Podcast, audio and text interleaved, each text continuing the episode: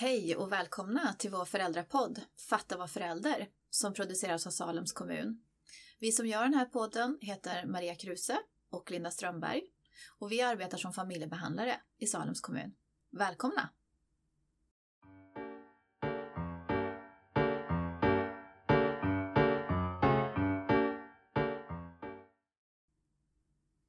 Hej Maria! Men hej Linda! Då är det här första avsnittet efter sommaruppehållet. Mm. Mm.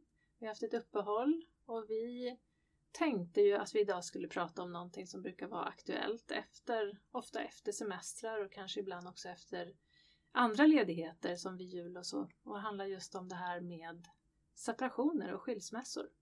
Ja, dessvärre är det ju faktiskt så det ser ut. Vi har höga förväntningar på vår ledighet tillsammans och sen blir det inte alltid som vi har tänkt oss. Och vi ser ju också en extra effekt utav det här med Corona, tänker jag, när det kommer till just skilsmässor och ja, skilsmässor, separationer eh, eller att man behöver ta en slags paus Mm. i sin relation. Och vi tänkte ju som vanligt att vi ska försöka ha fokus på hur man kanske pratar med barnen och hur man hanterar barnens känslor i de här situationerna. För jag tänker att det här är ju också ett ämne som väcker mycket skuld hos de föräldrarna som vi träffar. Och att det också är eh, ofta en personlig livskris. Och det där är ju en jättesvår balansgång, att se barnens behov och vara i deras, i, i deras process samtidigt som det skakar rätt ordentligt i ens eget inre. Så att det där och jag tänker att det är väl också ett tema som under åren har varit lite debatterat. Det här hur stor skada tar barn av skilsmässor eller kan det tvärtom vara någonting som ibland är positivt? Ja, eller tar människor lätt på så att säga att skilja sig eller är det faktiskt ett just livsomvärvande beslut som människor inte alls bara gör eh, vid minsta möjliga motstånd. Eh, och det där, ja, någonting vi möter ju faktiskt väldigt regelbundet i vårt arbete med att möta familjer. Och vi tänkte väl att vi ska försöka att inte ha några pekpinnar utan mer försöka lyfta lite olika dilemman som vi känner igen från vårt arbete. Mm. Eh, Ska vi börja med de som vi brukar, med de mindre barnen Maria? Vad är det vanligaste som du möter hos föräldrar just kring det här, när frågan kommer upp kring separationer och skilsmässa? Vad är det föräldrar oftast håller på och funderar kring och oroar sig för? Ja, det är just det här med att små barn inte skulle förstå. Eh, så varför ska man då så att säga berätta eh, på ett så dramatiskt sätt som många föräldrar ser det, att man ska eh, skilja sig och flytta isär, inte leva tillsammans längre. Eh, utan kan man försöka att göra det bara lite i det dolda så att säga. Och det är verkligen ingen alltså, baktanke eller så med det, eller inte en vilja att ta sitt ansvar, utan det där handlar ju om vår tanke om att vi skyddar våra barn. Men där brukar jag ju säga raka motsatsen, att oavsett hur ni har det med ja, om ni grälar eller att det är ja, men en, en kylig så att säga stämning emellan er för att ni har fattat det här beslutet utav olika anledningar så uppfattar barnen mer än vad man kanske är bekväm med. Och då är det mycket bättre att sanningarna som placeras i barnens magar kommer från oss. Och där har vi ett jätteansvar och berätta på barnens nivå. Eh, och jag brukar säga ända från en tre år så kan man faktiskt prata just utifrån sådana termer som att ja, men mamma och pappa är inte kära i varandra längre. Och då ska man inte vara tillsammans. För det där är någonting som barn verkligen tidigt liksom vet att det är något speciellt, det där med att vara kär. Mm. Så att det är en, en sån där tacksam fras som många kan eh, faktiskt anamma och ta till sig. Så det låter ju på dig som att man ska inte dra sig för att informera barnen och berätta, fast såklart på deras nivå då. Men när i processen ska man, för det tycker jag att jag möter föräldrar som frågar hur snabbt ska vi liksom börja prata om det här? Ska vi berätta redan, redan när vi själva håller på och har det som ett alternativ? Fast man kanske inte vet vart man ska flytta, man kanske inte vet när det här kommer hända. Vad, vad svarar du på de frågorna? Finns det något, något facit där eller? Alltså något fat finns det ju aldrig och dessvärre, eh, det skulle man ju önska nästan ibland för att det, det vet man ju att det är det många föräldrar vill ha. Eh, och det är också lite utifrån, eh, alltså jag brukar säga det är ni som känner era barn bäst. Mm. Ni vet hur de hanterar oavsett ålder, om de behöver en lång tid på sig att vänja sig vid någonting eller om de mår bättre utav att få veta bara några dagar innan. Det, det vet ni föräldrar bäst. Men, men absolut, när det faktiskt ändå finns, som man säger, i familjen, eh, att det faktiskt är någonting som man har beslutat sig för, åtminstone att prova kanske som förälder, en separation så, eh, så är det ändå någonting man får eh, lyfta tycker jag eh, med barnen och stå för helst gemensamt då, då så att det inte blir som att någon förälder får skulden. Eh, och sen är det helt okej okay att säga att jag vet faktiskt inte vart vi ska bo. Men jag lovar att berätta så fort jag vet. Eller ja, vart ni ska bo när ni är med mamma eller vart ni ska bo när ni är med pappa. Eh, det är helt okej, okay. barnen kan hantera det. Men så länge du i alla fall visar att du tar ansvar för det här och helst står tillsammans med den andra föräldern så blir barnen tillräckligt tryggade.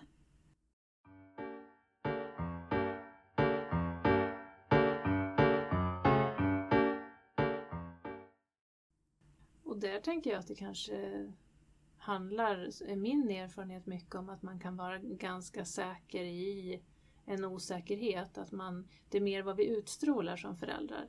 Vi kan ju säga en sak men utstrålar vi någonting annat, det är ju oftast det barnen fångar upp. Så jag tänker att kan man som förälder ändå först landa i att det kommer att bli bra, det kommer lösa sig och det är den känslan jag ska förmedla.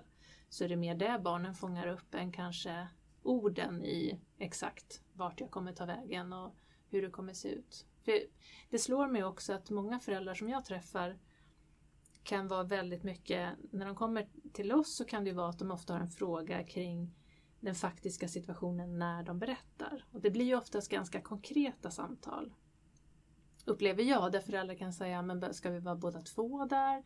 Vad ska vi säga? Hur mycket information behöver de?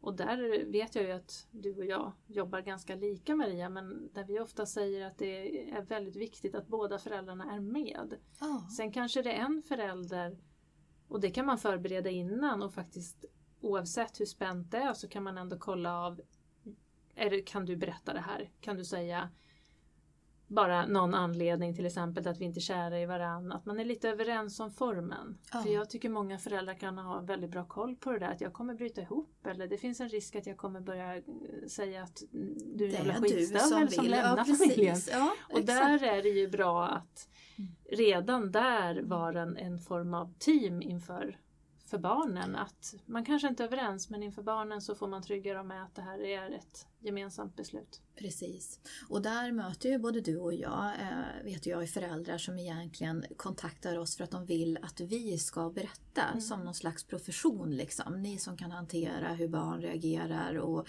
om de kommer att reagera med en kris eller så, så kan ni ta hand om det.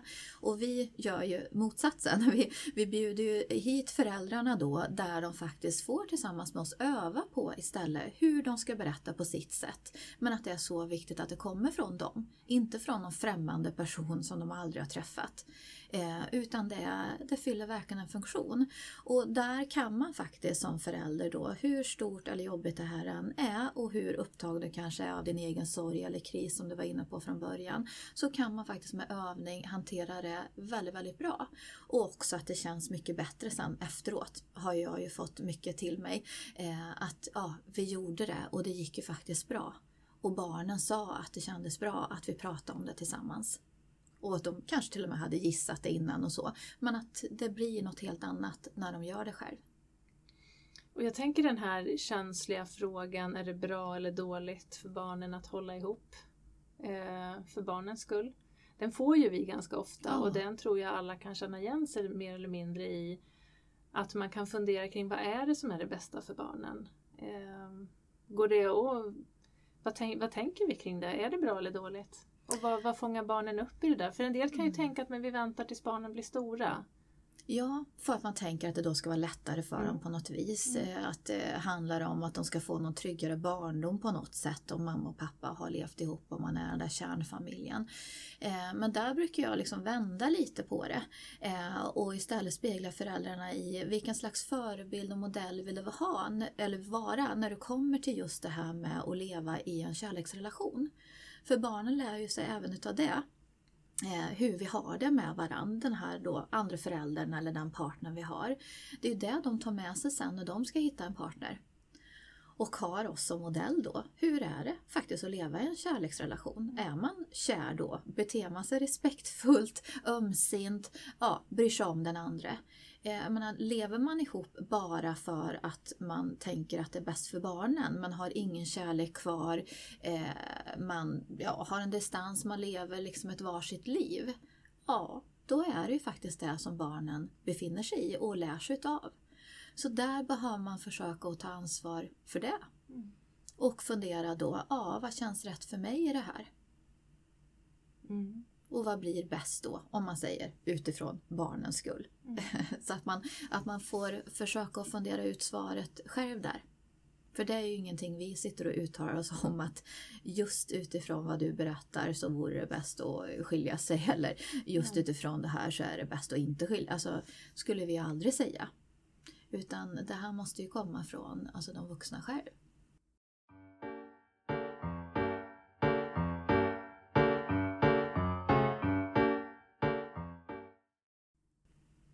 Och det är väl som livet i stort tänker jag att oavsett vilken väg man tar så handlar det om hur man gör det. Ja. Eh, så att det är väl kanske det man får landa i. att det, det handlar kanske inte om att skiljas eller inte skiljas utan hur blir det då? Hur, vem kommer jag bli om jag skiljer mig och vem kommer jag bli om jag inte skiljer mig? Mm. Eh, för jag tänker att det barnen behöver är ju två närvarande föräldrar ja. som är så pass nöjda och lyckliga som det bara går och då gäller det att välja en väg som, som blir på det sättet. Mm. Och låt det ta tid, brukar mm. väl vi eh, alltså, försöka att ge till, till föräldrar. Det finns ingen anledning att stressa på så eh, alltså livsomvärmande beslut. Eh, och barnen kan hantera eh, att man är liksom Ja, att man kanske heller inte har någonstans riktigt att flytta än och jag menar så länge man eh, ja, inte är osams hela tiden eller kampar om barnen så, så är ju det helt okej. Eh, men att det får ta lite tid för det här är stora processer och det är ju en slags sorg faktiskt att gå igenom oavsett om man är överens om att man ska skilja sig. Så var det väl inte det vi tänkte från början när vi skaffade en kärnfamilj tillsammans. För då tänker jag också lite grann på det här med vad händer efter skilsmässan och en del vi träffar ju ganska mycket barn och ungdomar och vad de kan. Ibland har de helt andra frågor än vad föräldrarna tror att de kommer ha i en skilsmässa eller efter en skilsmässa. Och jag kan uppleva ganska ofta att barn kan absolut känna den här sorgen som du säger och att det är en livsomvälvande situation i deras liv som de oftast minns.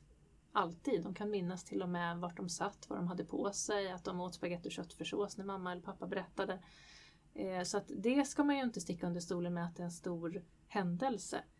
Men jag kan slås av att barn ofta har kanske mer praktiska frågor. Ja. Att för dem kan det vara att de kan komma till mig och sitta och berätta hur oron kring kommer den här liksom väskan med fotbollskläder, kommer den komma till träningen? Är det så att mamma och pappa pratar med varann? Kommer mm. båda på föräldramöten? Vem kommer på skolavslutningen? Kommer de stå bredvid varandra? Mm. Kommer jag fira två födelsedagar och två jular nu mm. eller inte? Mm. Kommer mamma och pappa turas om om det och mm. måste jag välja? Mm. Alltså, ja, precis. Alltså praktiska saker mm. men såklart involverar en massa känslor. Det gör ju det och jag tänker att vissa föräldrar de kan ju umgås hur bra som helst efter en skilsmässa. Eh, där man kanske absolut kan fira jul och man kan umgås på nästan samma sätt och med nya partners och så.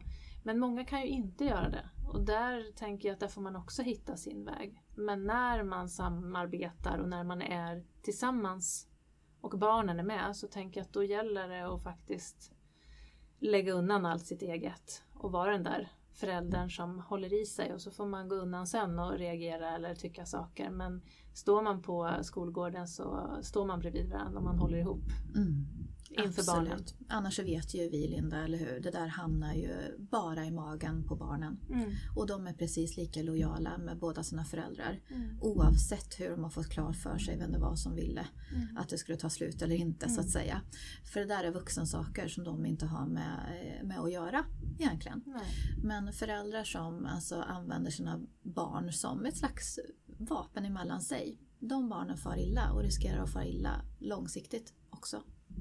Ja, och även om vi inte vill ha några pekpinnar så kanske jag tar fram den ändå nu när vi pratar för det är ju något som vi brinner för och som vi ser hur de här barnen går sönder i sådana här konflikter.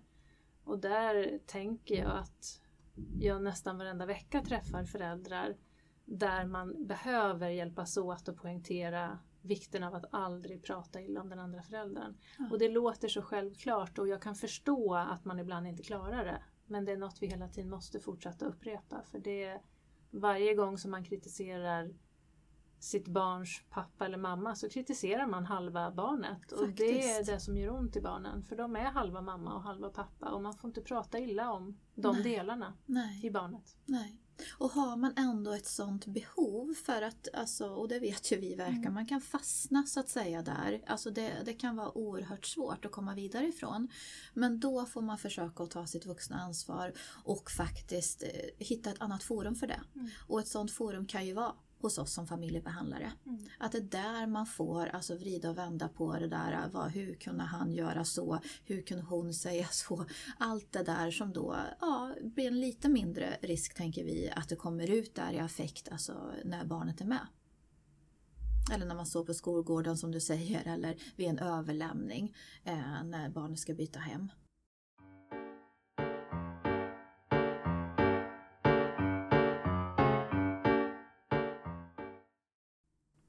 Jag tänker på några saker till. När, att se mitt i den här eh, processen att man själv inte är den bästa versionen av sig själv. För det brukar man inte, man, man kan inte ha de kraven på sig själv. Så tänker jag att jag försöker tipsa ofta föräldrar om som sitter med den här skulden och ser att barnen far illa och blir påverkade av det här. Se till att barnen också har andra vuxna att prata med. Och det kan vara att ta hjälp av nätverket, se till att barnen får åka oftare till mormor och morfar och spela minigolf eller försöka se till att barnen ibland får sova hos kompisar. Att I en sån här situation så är det så viktigt för barn att också få andra forum där de kan prata med andra människor. Mm. För de är lojala och det är svårt att prata med mamma om hur tufft det är att mamma och pappa håller på att skilja sig. Det kanske är lättare att prata med kompisens mamma eller med en faster eller en mormor. Ja, för barnen vill ju inte göra någon av sina föräldrar ledsna. Nej. Eller oroliga eller alltså väcka tankar om att eh, ja, men, och jag lider i det här när de märker så väl att föräldrarna lider. Eh, och då är det jätteviktigt med nätverket. Mm. Och sen vill vi ju såklart uppmuntra till att du faktiskt ska ta hand om dig själv också. Det är ingen liten sak på något vis. Eh, och det spelar ingen roll hur någon vän har hanterat det eller någon annan i ditt nätverk utan det här är du och det, det är ditt liv och det är du som kan drabbas hårdare utav eh, faktiskt vad du trodde innan kanske, vilka känslor det faktiskt väcker. Eh, för det hör ju inte riktigt ihop det där med att man är säker på sitt beslut och sen typ inte känna någonting. Utan vi är mycket mer komplexa än så vi människor. Och där alltså, försök att ta hand om dig. Eh, Så att ja, det är viktigt. Är det fler sådana vanliga funderingar som, som du möter? Antingen från Ja. barn eller från föräldrar? Ja, från föräldrarna då skulle jag väl eh, återigen vilja lyfta det här med att eh, så tidigt som det bara går, alltså ta hjälp av familjerätten som faktiskt är experter på det här med vårdnad, umgänge, barns rättigheter till båda sina föräldrar. Eh, jag menar innan det går överstyr och det är svårt att samsas eller komma överens om ja, varannan vecka eller hur gör vi när det är vab och alla sådana här saker som helt plötsligt blir känslosamma som man kanske tror är så enkelt att komma överens om. Men så upptäcker man att det blir det. Sök hjälp där på en gång. Alltså man får samarbetssamtal som det kallas väldigt snabbt i de allra flesta kommuner. Och jag vet, särskilt i våran kommun här så har det aldrig varit någon väntetid vad jag har hört talas om. Utan där är man mån om att hjälpa föräldrar att komma vidare och kanske faktiskt skriva ett avtal. Så att man slipper att ha diskussioner från gång till annan. Vad var det nu vi kom överens om? Eller så har inte jag uppfattat det. Nu är det min tur att ha barnen här på ja, den här julen eller vad det handlar om. För det, ja, då, då riskerar man ju faktiskt att mindre hamna i konflikt där barnen hamnar mitt emellan.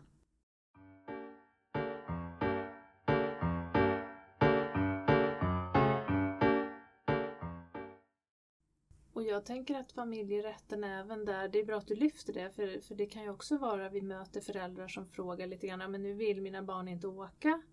Nu är det pappavecka och mina barn reagerar och de vill inte åka iväg. Hur ska jag göra? Det är ju något som är ganska vanligt, den frågan får ju vi ofta. Det är det. Mm. Och där tänker jag också att familjerätten kan vara bra att prata med kring att fundera kring när, vilken ålder får barnen själva börja tycka och tänka kring det här? För det är klart, vi har barnkonventionen, en lag, vi ska lyssna på barnen och de ska vara delaktiga. Samtidigt som vi som föräldrar är så viktiga, båda föräldrarna behövs. Men det här är ju mm. frågor vi ofta möter. Att, och vi brukar väl dels hänvisa till familjerätten men också tror jag vi svarar ganska lika Maria, att det handlar ju mycket om att försöka att vara där barnet är och försöka förstå. Inte gå igång på det och känna sig som den bästa föräldern som kanske underblåser det här utan tvärtom faktiskt lyssna på men vad är det som gör att det känns tufft att åka till pappa? Är det någonting som vi kan hjälpa dig med? Kan du prata med pappa om hur det behöver vara när du kommer dit eller om det är tvärtom hos mamma? Mm. Så att man försöker hjälpa barnet så mycket det går att förstå för ibland är ju barn lojala också, de testar ju oss föräldrar och ser att okej, okay, men vänta, jag kanske kan jag kolla hur mamma reagerar om jag säger så här eller hur reagerar pappa? Eller hur? Eller har jag som barn, det uppfattar jag, eller får jag till mig ganska ofta, riktigt små barn som har märkt eller tycker sig märka att men mamma sitter ensam och är ledsen. Mm. Så att jag kan ju inte åka till pappa och ha roligt för att då, då vad gör mamma då? Mm. Hon ledsen. Och det där behöver ju då kanske lite hjälp och se alltså, någonting mer än att bara reagera på det där, oh, oj, motstånd liksom, det är mm. någonting som inte är bra. Eh, och där är ju kommunikation med den andra föräldern i den bästa av världar när det går jätteviktigt. Mm. Vad har vi för gemensam approach till det här? Eh, är det helt okej okay att längta efter mamma och pappa oavsett vem man är hos? Får man ringa? Vad ska vi ha för överenskommelse när det passar det bäst för våra barn att ha kontakt med den andra eh, när man är alltså, hos en förälder? Alltså ja, kommunikation mm. så att det blir med barnet i fokus. Och där vill jag lägga till, det är ju en sanning som de flesta redan vet.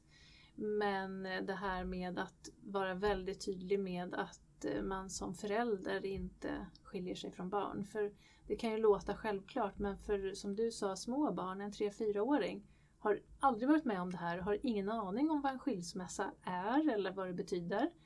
Eh, och där är det klart att barn, får de inte svar så fyller de i luckorna själva. Mm. Och vi träffar ju faktiskt barn som ibland inte vet. Ja men det är klart att en skilsmässa kanske är mellan mamma och barn också. Nu mm. skilde sig mamma från pappa. Ja. Är jag nästa som som Men kommer vara i den här skilsmässan. Så att mm. sådana där saker är viktiga att tänka på att man behöver kanske vara övertydlig. Speciellt ja. med små barn vad det innebär. Verkligen. Och det kan också bli ännu mer så alltså för ett litet barn om den ena föräldern bor kvar i det tidigare gemensamma hemmet och så är det den andra som ska flytta på sig. Då kan det också bli som att ja, du lämnar mm. hemmet, barnet, eh, den andra föräldern. Och då är det ju jätteviktigt vad vi liksom, ja just det, övertydliga vad vi kommunicerar för någonting. Och syskonen tänker jag som ofta är jätteviktiga. Ofta har ju syskon, om man har det, är ju jätteviktiga i en sån här, en sån här livshändelse. Och det är ja. också något som man behöver kanske hjälpa barnen med och, och se till att de de flesta gör ju så, men att de också får byta vecka samtidigt om det går eller att de har ett jättebehov av att fortsätta och ha sin sin relation. För man ska ju säga att det är ju ändå så att barnen har ju inte lika, för, lika lång förberedelsetid som vi vuxna. Vi kan ju ibland i år ha gått runt och funderat på en separation. Och vi har tänkt ut allt hur vi ska göra och hur vi ska liksom både känslomässigt men praktiskt. Mm. Och för barnen så har de inte alls. Fullständig överraskning. Ja, ja, Så det är väldigt oförutsägbart och det måste ju få ta tid. Ja. Och det skulle jag vilja säga i förlängningen alltså kring det här, det här när vi bildar så att säga, bonusfamiljer, mm. styvfamiljer. Vi har ju pratat lite tidigare om det. Men där möter jag ju också ibland nästan en usch nu låter det verkan som jag har en pekpinne, men, men en naivitet alltså från föräldrar. Att men nu alltså, har vi ju äntligen träffat någon som är jättebra här, som är engagerad i, i mina barn och jag liksom är engagerad i dens barn och vi har barn i ungefär samma åldrar. Det här blir ju toppenbra. Eh, och där alltså man blir frustrerad som vuxen över att det inte bara ja, barnen är inte bara jätteglada och tycker eh, att de har fått nya syskon. Utan eh, det är liksom bråk, det är uppmärksamhetssökande, alltså det är nej du får inte krama min mamma. Alltså så. Och där man har ganska svårt att acceptera ibland faktiskt som vuxen att oj, det var inte så lätt.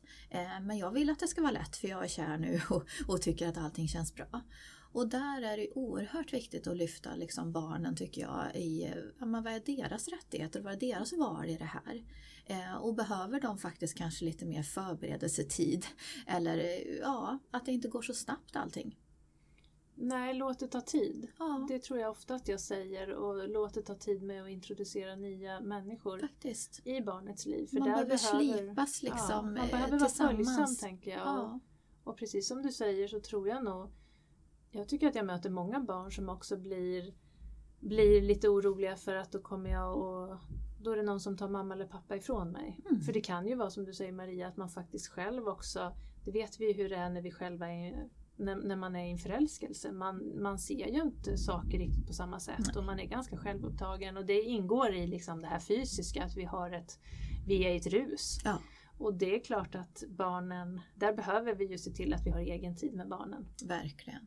Och det handlar ju inte om att barnen inte vill att eh, alltså föräldrarna ska vara lyckliga och må bra. Det är såklart att de vill. Men de har verkligen rätt och faktiskt få sin uppmärksamhet och vilja ha sin förälder till 110 procent. Det är helt naturligt att reagera på den konkurrensen precis som man gör helt naturligt om man får ett syskon.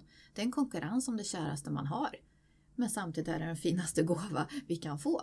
Så att det är jättekomplext det där men det sätter igång mycket och det är viktigt att vi föräldrar ja, ser på det med, med respekt eh, och ödmjukhet att barnen måste få reagera på så stora saker. Mm. Vi kan inte ta lätt på det bara för att vi tycker att allting känns så bra. För första gången kanske på många år.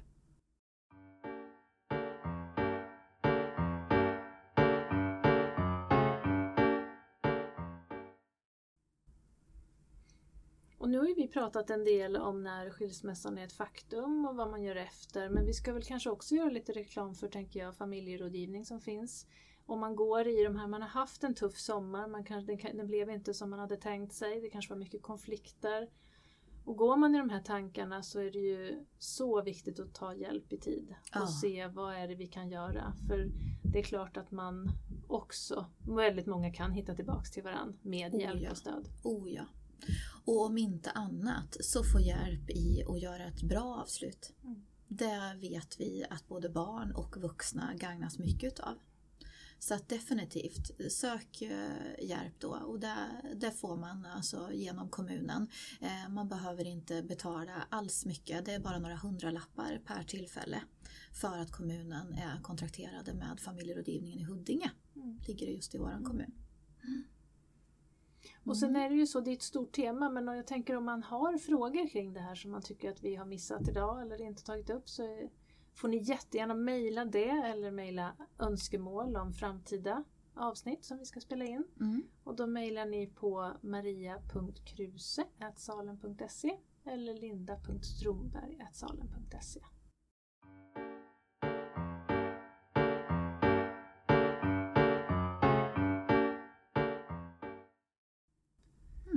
då kanske vi ska börja avrunda med tre pekpinnar tänkte jag säga. Det är det ju inte. Nej, Nej verkligen inte. Utan det var ju tre snabba vi skulle ha. Just det, vår ja. vanliga punkt. Ja. Tre snabba. Mm. Du får nog börja idag tror jag. Ska jag börja? Mm. Något som bara ploppar upp eh, så här när man tänker på tre snabba. Kommunikation. Ja, på alla plan och nivåer tänker jag att vi har pratat mycket om idag. Mm. Mm. Och då lägger jag till att kom ihåg och förtydliga att det aldrig är barnets fel. För det är många barn som tänker att det var jag som var så jobbig eller det var alla föräldramöten eller BUP-samtal som gjorde att mamma och pappa inte orkade. Så kom ihåg och betona det för barnen. Jättebra. Ja, det vill jag väl ge till alla föräldrar där ute att det är ni som är rätt personer, alltså i första ledet att ge era barn besked eller prata om saker som rör ert liv. Så att tro på er själva med det. Men sök stöd i det om du vill. Bra! Toppen! Och då är det ju så att vi vet inte vad vi ska prata om nästa gång men vi hoppas att ni skickar in lite frågor eller önskemål. Eh, så får vi se vad det blir nästa gång med det. Ja, det blir spännande. Mm. Ja, tack för idag. Tack.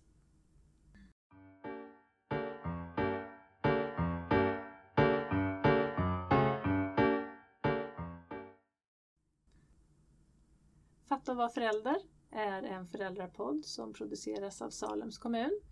Och musiken som ni hör är hämtad från www.freemusicarchive.org och heter Coffee.